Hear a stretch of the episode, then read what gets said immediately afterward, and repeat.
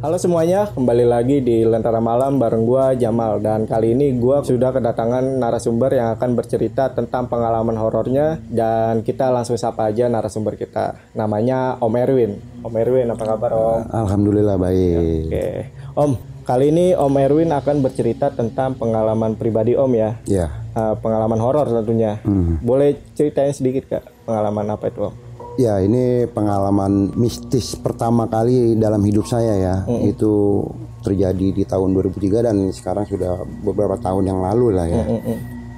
Awalnya memang saya ini penakut untuk hal-hal itu, tapi setelah kejadian itu dan saya dibenturkan langsung ketemu dengan sosok yang namanya makhluk halus. Akhirnya timbullah keberanian saya dan ya ada manfaatnya juga gitu. Saya bisa membunuh ketakutan saya hingga saya menjadi seorang yang pemberani lah ya untuk menghadapi hal kayak gitu sampai hari ini. Om Erwin, eh, sebelum bercerita Om ada yang mau dipromoin nggak Om? Eh, menurut saya sih enggak lah. Nggak ada Cukup ya? itu aja. Sosial media nggak ada ya. Oke, ya udah. Ya udah sebelum dengerin ceritanya dari Om teman-teman saksiin dulu yang berikut ini.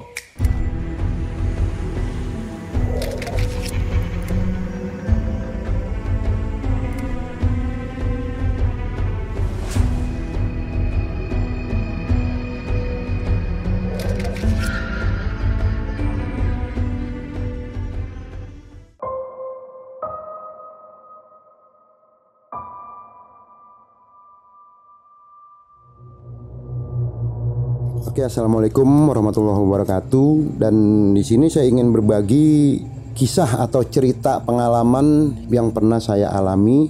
Kejadian itu di tahun 2003. Awalnya memang saya dulu kan ya boleh dikatakan pada saat itu saya memang rajin sholat lah ya pada saat itu boleh dibilang saya rajin sholat tapi saya mempunyai keyakinan bahwa untuk mendekatkan diri itu ditambah dengan puasa Hingga pada suatu hari saya ngobrol dengan ustadz saya yang ada di musola itu untuk menyarankan soal eh, puasa Senin Kamis. Oke, saya coba, saya coba, saya kuatkan diri, saya merasa nyaman, tapi saya ingin menambah lagi kenyamanan itu. Hingga akhirnya saya mengambil keputusan untuk puasa setiap hari. Memang usia saya waktu itu masih muda sih, tapi untuk tingkatan itu mungkin kalau boleh dibilang belum cukup umur untuk menjalankannya, ya mungkin bisa dibilang seperti itu tapi saya coba gitu loh. Saya nekat saya coba tapi itu pun dengan arahan dan dapat tuntunan dari ustadz. Jadi saya tuh nggak sembarangan juga karena ada guru yang bisa bertanggung jawab dalam sesuatu hal yang saya lakukan ini yaitu puasa setiap hari. Dan dia mengisyaratkan silakan kalau memang itu sanggup ya biasalah yang namanya puasa Senin Kemis dan puasa tiap hari itu memang godaan dan cobaannya itu benar-benar luar biasa di luar perkiraan saya. Saya pikir dengan orang ibadah sholat ibadah puasa itu tidak ada gangguan dari yang namanya makhluk-makhluk mistik. Nyata itu salah. Saya bisa mengatakan itu salah kenapa? Saya mengalami gangguan itu gitu dan saya mengalami pada suatu malam itu setelah saya ibadah sholat saya jikir saya wirid saya pamit pulang. Pamit pulang untuk menunaikan sahur pada saat itu karena saya memang menjalankan puasa.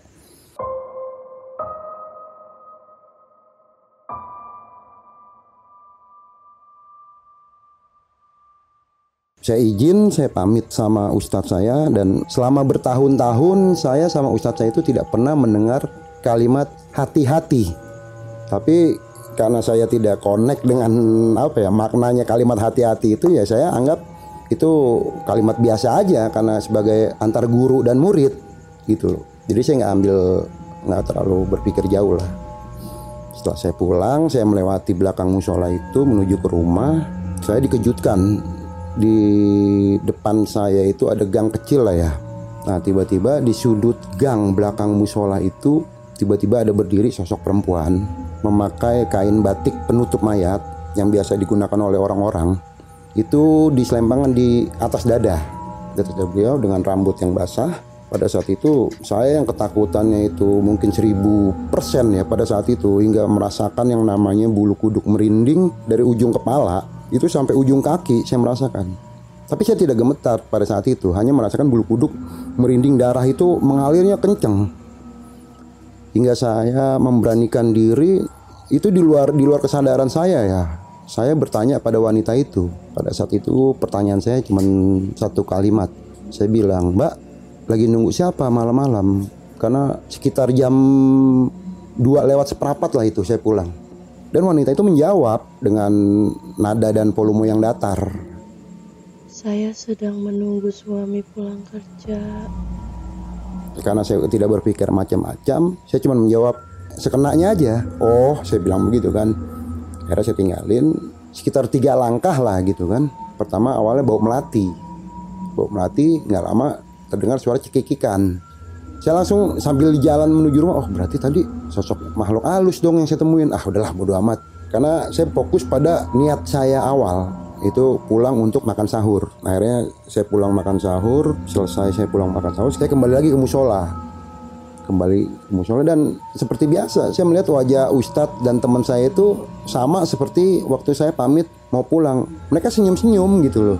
Mereka senyum-senyum mereka kayak gimana gitu loh. Kayak mereka ada suatu kebahagiaan yang mungkin saya nggak sadar pada saat itu kan. Akhirnya saya coba bilang sama Ustadz saya tapi belum sempat bilang saya cuma baru bilang kalimat pertanyaan Tat tadi saya baru mengutarakan ya. Tapi Ustadz saya langsung menyela pertanyaan saya. Oh iya sudah izin sama saya mau ketemu kamu. Loh saya kan penasaran kok izinnya sama Ustadz? Sedangkan tadi waktu saya pamit wanita itu kan tidak ada. Kapan dia izinnya kan gitu kan? Teman saya nih tiba-tiba yang satu orang dia menyela pembicaraan saya sama Ustadz. Dia bilang loh memang lo nggak tahu kalau itu siapa? Enggak. Ya saya dengan polosnya saya jawab enggak gitu loh. Karena ya memang saya mungkin dalam keadaan masih tegang kali ya masih kaget masih shock ya saya bilang enggak gitu loh spontan. Lalu teman saya bilang loh itu kan si Mbak X yang waktu tahun 93 meninggal minum baygon. Ini yang rumah depan musola setelah kawan saya bilang begitu saya langsung langsung nyambung gitu loh. Wah, berarti yang tadi gue temuin mbak ini dong? Iya. Akhirnya saya duduk bengong tuh. Terus Ustadz saya bilang ya kamu kan penakut. Ya kalau kamu nggak digituin kamu mau sampai kapan takut? Kamu sholat kamu puasa tapi kamu masih takut dengan hal kayak gitu. Gitu. Berarti kamu lebih takut hal gitu dibanding sama Allah. Dan dari situlah mulai yang namanya saya mengusir rasa takut saya ya. Terus saya bertanya dalam hati apa orang takut harus dibenturkan dengan cara seperti itu? Dia bilang gitu kan. Memang ya sampai saat inilah keberanian saya itu terhadap makhluk-makhluk begitu ya bukannya sombong atau ini enggak. Tapi kan ya mungkin Allah memberikan keberanian sama saya bahwa hanya dialah sang pencipta dan penguasa bukannya makhluk-makhluk itu. Karena mereka pun makhluknya Allah kan gitu. Pesannya mungkin begitu ke saya jadi uh, saya kembali lagi ke sosok wanita yang tadi itu. Dia itu memang pernah tinggal di lingkungan saya di Keramat Jati itu ya. Dia meninggal pada 9 tahun 1993 ya dengan dengan cara yang sangat tidak wajar sih kalau menurut saya. Itu dengan ya kalau boleh dibilang bunuh diri lah ya. Minum baygon itu loh yang apa? penyemprot serangga, nyamuk kalau kita biasa malam tidur pada zaman itu kan. Ya sampai hari ini saya juga berharap nggak mau ketemu lagi lah ya kan. Sekali aja cukup sekali lah dalam hidup saya ketemu ketemu begitu. Sampai saya bisa berdialog langsung gitu loh. Biasanya kan orang kalau ketemu hal-hal begitu cuma dilihatkan wujudnya saja. Kalau saya nggak dialog langsung dan dia kebetulan wujudnya manusia.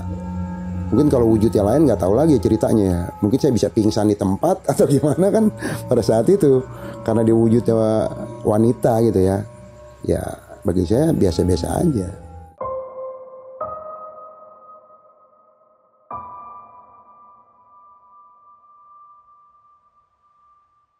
Ada lagi kisah saya yang sangat benar saya alami dan ini di luar nalar saya dan kawan-kawan. Pada saat itu kawannya istri saya itu mengalami hal-hal yang di luar logika orang-orang manusia biasa lah. Entah kenapa saya nggak perlu menyebutkan namanya ya. Mbak X saja lah saya sebut ya. Itu kejadiannya itu pada saat itu di daerah Kramat Jati sekitar tahun 2004 2000 berapa lah 2004an 2005an gitulah uh, dia mengalami hal-hal yang aneh lah menurut saya kan. Kawan saya itu meminta antar saya untuk memeriksakan istrinya ke dokter kandungan. Kebetulan waktu itu kan masih ramainya di puskesmas puskesmas kelurahan lah ya dokter dokter kandungan karena satu mahal dan ekonomi kawan saya juga nggak nggak nggak mewah-mewah banget. Jadi hanya bisa standarnya di puskesmas saja kan gitu. Diagnosa dokter kehamilan dinyatakan hamil. Waktu saya mengantarkan itu usia kehamilannya itu udah memasuki sekitar lima bulan. Usia kehamilannya itu udah memasuki sekitar lima bulan dan tidak terjadi hal-hal yang aneh. Sewajarnya lah normal seperti wanita-wanita hamil lah dan perutnya pun kelihatan gitu. Udah udah kelihatan.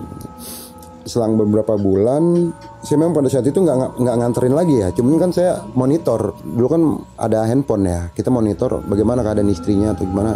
Di umur 8 bulan dia telepon saya karena nggak ada orang untuk meminta antar kembali untuk periksa kehamilannya.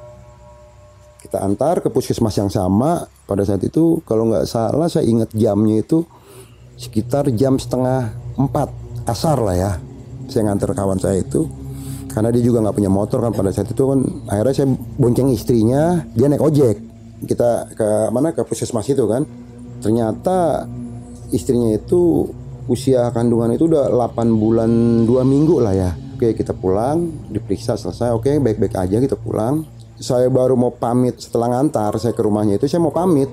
Saya udah bilang sama kawan saya ini suami Simba ini saya bilang ah gue pamit dulu lah balik gue juga capek gue juga belum mandi. Nanti kalau ada apa-apa kabarin aja. Ya udah cuy hati-hati. Iya. Baru saya melangkahkan kaki ya keluar keluar rumah mau pakai sepatu istrinya menjerit di dalam kamar. Menjerit itu dia, dia teriak minta tolong. Saya kaget kan? Saya tadinya mau pakai sepatu saya urungkan. Teman saya ini lari ke kamar karena saya spontanitas, saya juga ikut masuk lari ke kamarnya kawan saya ini memeriksa gitu loh. Ada apa? Ternyata saya melihat teman saya itu pingsan. Jadi kandungan istrinya itu nggak ada. Kandungan istrinya itu nggak ada loh. Saya juga kaget kan. Padahal belum ada satu jam saya pulang habis periksa posisi si bayi dalam kandungannya sehat, kandungan istrinya pun sehat. Lalu tiba-tiba setelah menjelang habis asar itu kandungannya nggak ada gitu sampai si suaminya pingsan teman saya itu saya kan panik. Saya bingung. Akhirnya saya ingat bahwa di samping rumahnya kawan saya itu rumah kakaknya si kakak istrinya iparnya lah ya. Akhirnya saya lari ke sana saya ketok-ketok. Kakaknya pun ya bukan pintu. Dia bingung ada apa gitu loh kan. Dia nanya saya bilang itu teman saya pingsan di kamar. Kenapa? Udah mbak nggak usah banyak tanya. Mbak lihat aja langsung. Saya bilang gitu kan. Ya udah akhirnya si kakaknya itu bareng saya itu ke kamarnya itu langsung si mbaknya ini kayak ngerti dipegang nadi adiknya nih. Kok denyutnya melemah? Dia tanya sama saya ini kronologisnya gimana? Nggak tahu mbak saya bilang. Tadi kan saya habis nganter periksa kandungannya. Dokter puskesmas bilang ini nggak ada apa-apa gitu loh. Sehat-sehat aja dan kandungannya juga sudah memasuki 8 bulan 2 minggu. Karena kan sebentar lagi mau lahiran. Saya bilang gitu. Terus saya antar pulang. Saya pas mau pamit tiba-tiba si X ini teriak minta tolong Loh saya bingung kan sama suaminya ini. Akhirnya saya bergegas lari kamar Kandungannya itu nggak ada. Gitu loh. Kandungan itu nggak ada hilang Dan kita juga nggak tahu kenapa kan.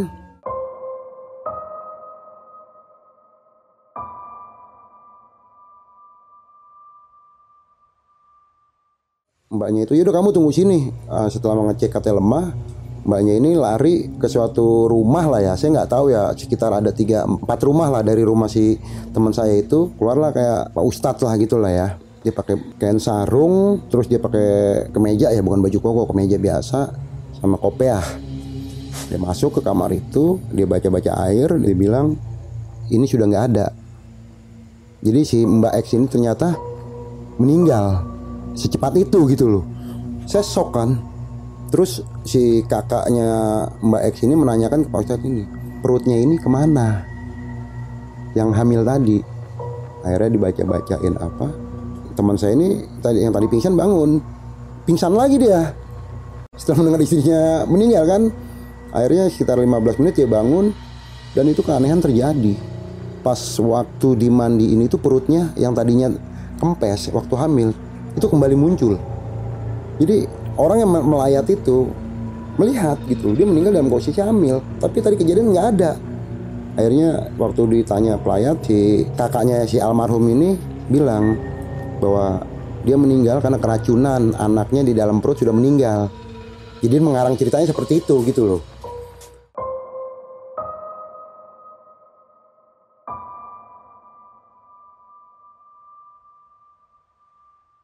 Saya tuh akhirnya nggak jadi pulang saya ikut mandiin permintaan kakaknya karena biar biar apa ya biar cerita ini tidak panjang di masyarakat. Akhirnya jam 5 lewat ya itu langsung dikubur hari itu juga. Jadi untuk menutupi aib. Kita kubur kita saya ikut ngubur akhirnya saya pulang saya izin pamit pulang. Cuman teman saya bilang nanti malam tahlilan datang ya. Oh ya nanti gue bilangin kawan-kawan yang lain. Datang biasalah kita kan kalau yang namanya orang meninggal tuh ada tahlilan tiga hari gitu kan ya tujuh hari. Terus kadang-kadang diselingi dengan apa ya membaca Al-Quran ya. Setelah tahlilan langsung dilanjut Al-Quran tiga hari atau tujuh hari. Teman saya ini kan meminta tolong saya dan kawan-kawan untuk membaca Al-Quran sampai hatam lah ya. Tapi teman saya yang si suami yang almarhum ini ngambil udahlah nanti baca Qurannya di tiga hari aja sampai tujuh hari jadi biar kawan-kawan juga nggak terlalu capek begadangnya gitu kan. Kalau dari hari pertama ke tujuh hari ya kita badan pasti pada sakit-sakit juga kan yang ada gitu kan. Akhirnya kita sepakatin begitu oke kita sanggupin sama kawan-kawan. Dan kejadian mistik itu di hari ketiga malam keempat. Setelah habis pembacaan tahlil di rumahnya jamaah pada pulang kita ini ber sekitar tujuh orang kita nggak pulang sebagai kawan. Kita nemenin dan teman itu udah nyiapin Al-Quran ya sesuai dengan kesepakatan bahwa kita akan membacakan Al-Quran sampai hatam. Mau sekali mau dua kali gitu kan. Sehatamnya kita lah. Pada saat habis tahlilan selesai setengah sembilan biasalah kita ngopi-ngopi ngerokok kan. Ngobrol-ngobrol sambil menghibur kawan yang sedang kena musibah pada saat itu ya. Lalu kita rencana rembukan ya udahlah mulai yuk kita baca Qurannya. Oke mulai. Kita masing-masing ngambil wudhu masing-masing ngambil wudhu kita baca Al-Quran. Dan pada saat baca Al-Quran itu kita ambil posisi masing-masing. Jadi berjarak. Nggak terlalu apa nggak terlalu nggak terlalu dekat juga nggak terlalu jauh juga. Kita baca Al-Quran. Waktu itu kan memang ada terjemahan Al-Quran yang 30 juz ya. Jadi juz satu juz dua satu buku satu buku kan ada tuh yang dipisah-pisah kayak gitu. Jadi oh ya lu lu juz satu lu juz ini juz ini. Kawan-kawan begitulah biasa lah kita baca pas kita lagi di pertengahan baca Quran itu oh ya kebetulan kan rumahnya itu kan rumah Betawi Betawi banget ya. Jadi yang di atasnya itu nggak ada platform pada saat itu. Jadi langsung tembus. Jadi apa ya kerangka kerangka baloknya rumahnya itu kelihatan gitu loh. Kalau model-model rumah Betawi kan dulu begitu. Dia nggak ada yang namanya platform gipsum atau apa nggak ada dia dulu kayak gitu. Dia los begitu. Tiba-tiba saya dicolek sama kawan saya yang mungkin jaraknya setengah meter lah dia bilang lu denger nggak ada yang nangis? Ah perasaan lo kali. Orang lagi kita lagi ngaji bareng-bareng oh iya kali perasaan gua kata temen kan gitu kan. Baca lagi tuh lu denger nggak ada yang nangis? Oh iya gua denger.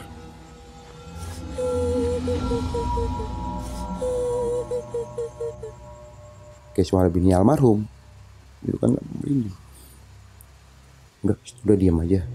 Ya baca ya terus akhirnya saya memberi kode seperti itu ya sama kawan ya udah diam aja baca terus kasihan kawan-kawan yang lain Lu tiba-tiba kawan saya yang berhadap-hadapan sama saya nih duduknya pindah dekat saya. Ya kira-kira berapa? Ya paling berapa senti lah. Dia pun nyolek saya. Lu denger nggak? Ada suara nangis. Iya sih gue denger dari tadi. Udah fokus aja. Yang tadinya kita duduk berjauhan waktu baca Al-Quran itu tiba-tiba nih entah kenapa seperti ada yang komandoin gitu loh.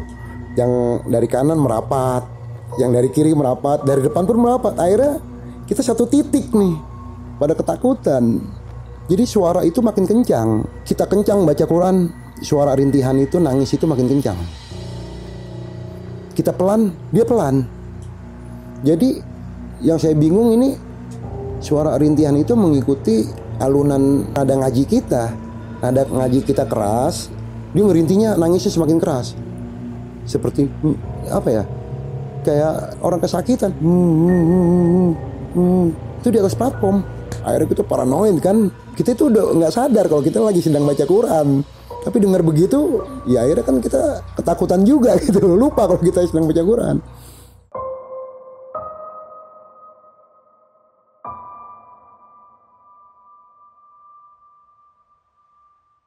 Di saat kita lagi ketakutan begitu, duduk saling merapat, tapi tetap kita baca Quran. Akhirnya udah stop dulu baca Qurannya. Pengen tahu suara ini muncul nggak? Suara itu pelan, sayup-sayup. Suara nangisnya pelan, sayup-sayup. Di atas platform. Pas kita lagi bingung, lagi panik. Pada saat itu malah, eh, kejadian tiga harinya itu kebetulan malam Jumat. Kakaknya dia itu lari dari kamar. Lari dari kamar nubruk kita. Karena kan kalau model zaman dulu kan kamar itu cuma ditutup pakai hordeng. nggak ada pintu, pakai hordeng aja. Dia lari nubruk kita, kita kaget. Saya bilang kenapa pok? Itu itu itu di jendela, dia lagi diri. Loh kita makin kaget dong, makin panik. Akhirnya teman saya cerita, iya sih tadi apa ya? Kalau tempat pemandian tuh zaman dulu, kalau orang Betawi bilang kan balik ya, yang ada kasur tapi pakai papan, tapi tidak pakai kasur, hanya tinggal rangka ranjangnya dari kayu sama papan itu. Ternyata papan itu yang bekas mandiin dia ada di pojokan, di luar kamar dia ditaruh, nggak dipindahin gitu loh. Itu itu itu ada di, di jendela, jelas banget mukanya sambil nangis. Kakaknya bilang begitu, panik dong kita nggak sadar kita keringet dingin. Padahal kita lagi baca Quran sampai segitunya gitu loh kita ketakutannya. Jadi gimana nih? Ya udah kita tunggu subuh aja di sini. Kesepakatan kita melek kita nunggu subuh ya ya. Karena nunggu pagi kan orang-orang biasa orang tua zaman dulu kan subuhnya udah terbangun kan. Artinya udah banyak lah kan orang-orang yang melek. Tapi suara itu hilang pas di jam saya ingat jam itu jam 4 kurang 10 pas menjelang subuh tahrim suara nangisnya itu hilang. Pas pagi subuh itu kita pamit pulang karena kita juga udah udah lelah ketakutan di situ kan? Hari kita pamit pulang sama temen nah kita ke musola. Waktu itu kita sholat subuh di musola kita di Keramat Jati. Setelah sholat subuh saya coba sempatkan ngobrol sama Ustadz. Ustadz saya itu saya minta tolong sama Ustadz Tat, saya ceritain kronologisnya. Terus dia bilang ya sudah nggak apa-apa. Besok kamu Quran baca aja. Udah nggak ada kok godaan itu dan ternyata benar di malam kelima dibaca Quran itu udah nggak ada suara-suara itu lagi. Jadi artinya entah ya simpang siur sih ya ada yang bilang meninggal karena diguna-guna atau di apa itu walau alam lah ya. Karena itu kan itu persepsi banyak orang. Cuman kalau saya mengambil hikmah dari kejadian itu dari saya di cerita awal, cerita kedua bahwa itu menambah keimanan saya terhadap Allah lah ya. Artinya bahwa mereka pun ternyata ada makhluk goib itu ada dan tidak bisa kita kesampingkan. Artinya mereka pun bagian dari ciptaan atau makhluk Allah juga. Jadi pesan untuk teman Lentera Malam, kita percaya sama hal-hal goib, tapi kita tidak boleh meyakini ke hal mistik. Jadi cukup itu aja pesan dari saya. Assalamualaikum warahmatullahi wabarakatuh. Oke itu tadi cerita dari Om Erwin. Om Erwin, thank you banget udah cerita di Lentera Malam ya. Siap, sama-sama. Dan ini kita mau review cerita yang tadi Om Erwin bawain ya Om. Ah, Nah yang pertama nih Om, di cerita awal Om Erwin ini kan sempet dikasih peringatan lah sama Ustadz Om ya, hmm, buat hati-hati Hmm. pas pulang. hmm. Nah kalau boleh tahu Ustadz Om Erwin ini punya kelebihan nggak? Atau bahkan teman-temannya punya kelebihan juga? Karena pada saat itu kan ketawa-tawa juga mereka ya. Iya, memang Ustadz saya ini kalau boleh dibilang tingkatannya sudah tasawuf lah ya. Tasawuf. Dia dia dia cerita sendiri ke saya bahwa dia menjalankan puasa itu 11 tahun setiap hari. 11 tahun. Jadi dia setahun itu cuma lima hari liburnya. Hari raya Idul Fitri sama Idul Adha, tasrik itu nggak boleh. Haram hukumnya Iya, kan iya. kalau puasa. Iya. Kelebihnya di puasa. Di- 11 tahun. 11 tahun puasa. Kalau boleh tahu tadi apa tasawuf ya? Udah Tingkatan tingkatannya. ah. tasawuf. Itu kalau boleh tahu eh, boleh dijelasin nggak itu apa sih tingkatan apa sih? Ya kalau lihat kehidupan dia ya, dia itu tidak pernah pokoknya orangnya benar-benar apa ya, lurus gitu loh. Bahkan untuk ngomongin orang aja nggak pernah. Jadi yang saya perhatikan dalam kehidupan dia nih, tingkatan iman dia. Dia nggak mencari dunia, tapi dunia yang mencari dia. Bahasa kasarnya begitu. Artinya rezeki nih, dia, dia datang sendiri, dia nggak mencari. Memang selama ini kan dia rutinitas dia tuh ngajar dari rumah ke rumah, ngajar ngaji Al-Quran, pengenalan huruf-huruf. Ya itulah hanya itu aja aktivitasnya dia. Oh, oke oke. Jadi itulah yang dimaksud dengan tingkatan tasawuf ya. Kalau tingkatan tasawuf itu kan keimanan seseorang, Keimanan seorang. bukan dari segi ngajar ngajinya atau apa, tapi tingkatan keimanan seseorangnya itu. Biasanya orang begitu sudah nggak memikirkan dunia, Iya. Tapi dunia yang mencari beliau ya. dia pikirannya udah langsung ke sana, udah fokus. Oke, ini untuk selanjutnya Om. Eh, tentang sosok wanita yang tadi Om Erwin temuin nih. Mm. Ada gak sih eh, warga-warga sekitar juga yang kena teror seperti Om Erwin? Jadi bukannya teror ya. Kalau teror itu kan kategorinya lebih diganggu ya. Mm-mm. Tapi kalau ini kan memang ada waktu itu kejadian 94 lah ya. Apa 9 berapa? 9 sekitar 95-an gitulah ya. Ya ada orang tua itu yang ditemuin dia juga. Cuman kan yang ditemuin itu sudah meninggal juga. Gitu. Dengan sosok yang sama ya, Iya. Tapi dengan tempat tapi tempat yang berbeda. tapi tempat yang berbeda. Pada saat itu ceritanya si almarhum yang ditemuin ini Hmm. dia lagi berdiri di depan pintu rumahnya kalau waktu itu. Oh, oke oke. Jadi dia langsung berdiri di depan rumahnya. Ah, ah, ceritanya seperti itu. Oke, ini untuk eh, lanjut nih Om. Untuk cerita yang kedua dari Om Erwin ya. Ah, Om, waktu wanita yang hamil tadi itu, hmm, terus tiba-tiba perutnya hilang. hilang atau kempes ya. Itu ada gak ditemuin sesuatu yang keluar dari tubuhnya gitu Om? Darah atau cairan apa pun? Oh nggak ada, Bener-bener gak ada. nggak ada. Hilang gitu aja. Karena gini, pada saat hilang itu posisi dia kan waktu itu pakai celana hamil ya, yang apa model karet gitu ya. Hmm, hmm. orang-orang hamil kan tuh dia pakai celana panjang tapi yang model karet karena kan kalau yang model kancing gitu kan sakit kejepit. dia model karet dan itu karena kan kenapa saya bilang begitu? Itu baru pulang dari puskesmas habis pemeriksaan. Jadi saya tahu banget nggak ada nggak ada hilang atau keluar apa-apa dari ininya nggak ada. Hilang gitu aja. Hilang gitu aja. Itu harusnya kan udah membesar banget ya. ya orang sebentar dua minggu lagi mau lahiran kok Tapi itu hilang gitu. ya itu di luar nalar saya juga itu. Dan saya nggak ngerti gitu loh. Dan muncul lagi ketika dimandiin. iya. Nah, munculnya itu tiba-tiba gede atau gede lagi. Perlahan. seperti semula. Jadi waktu hilang itu kita lihat memang rata. Perutnya itu rata. Karena yang tahu itu kan kita waktu itu cuman berempat. Iya. saya eh, kakaknya kakaknya almarhum sama suaminya. Mm-mm. ini feeling ya Fe- feeling kita berempat ya memang seperti kayak ada diguna-guna atau ya sejenis itulah gitu loh Oke. Dan biasanya kan santet itu kan lambat laut kan akan apa ya namanya terbukti ya. Nah, Iya. itu ada gak buktinya? Entah dia ditanamin apa di rumahnya atau apa gitu. Kalau untuk hal itu saya sampai sekarang belum belum apa ya lost kontak lagi ya sama si suaminya juga suaminya juga karena udah nikah lagi saya dengar dan tinggal udah tinggal di luar da- Jakarta dan kakaknya juga saya udah jarang ketemu.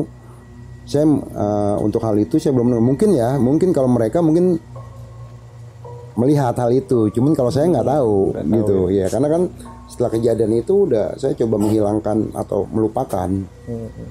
Oke, untuk pertanyaan terakhir nih mungkin ya Om ya. Sejak kejadian itu Om Erun pernah main ke kampung itu lagi dan pernah mendengar lagi gak kejadian sosok wanita tersebut muncul lagi? Enggak, semenjak kejadian malam keempat dengar suara tangisan itu saya udah nggak pernah ke situ lagi. Mm. Saya udah nggak pernah ke daerah situ dan ya udah saya seperti melupakan kejadian itu aja. Oh, jadi benar ya apa kata Pak Ustadz? Mm-mm. Ya apa dari Om Erwin bahwa setelah itu udah nggak ada nggak bakal ada lagi ya Iya. gangguan wanita tersebut. Ya mungkin eh, untuk video kali ini cukup. Gua dan Om Erwin pamit. Selamat malam. Bye.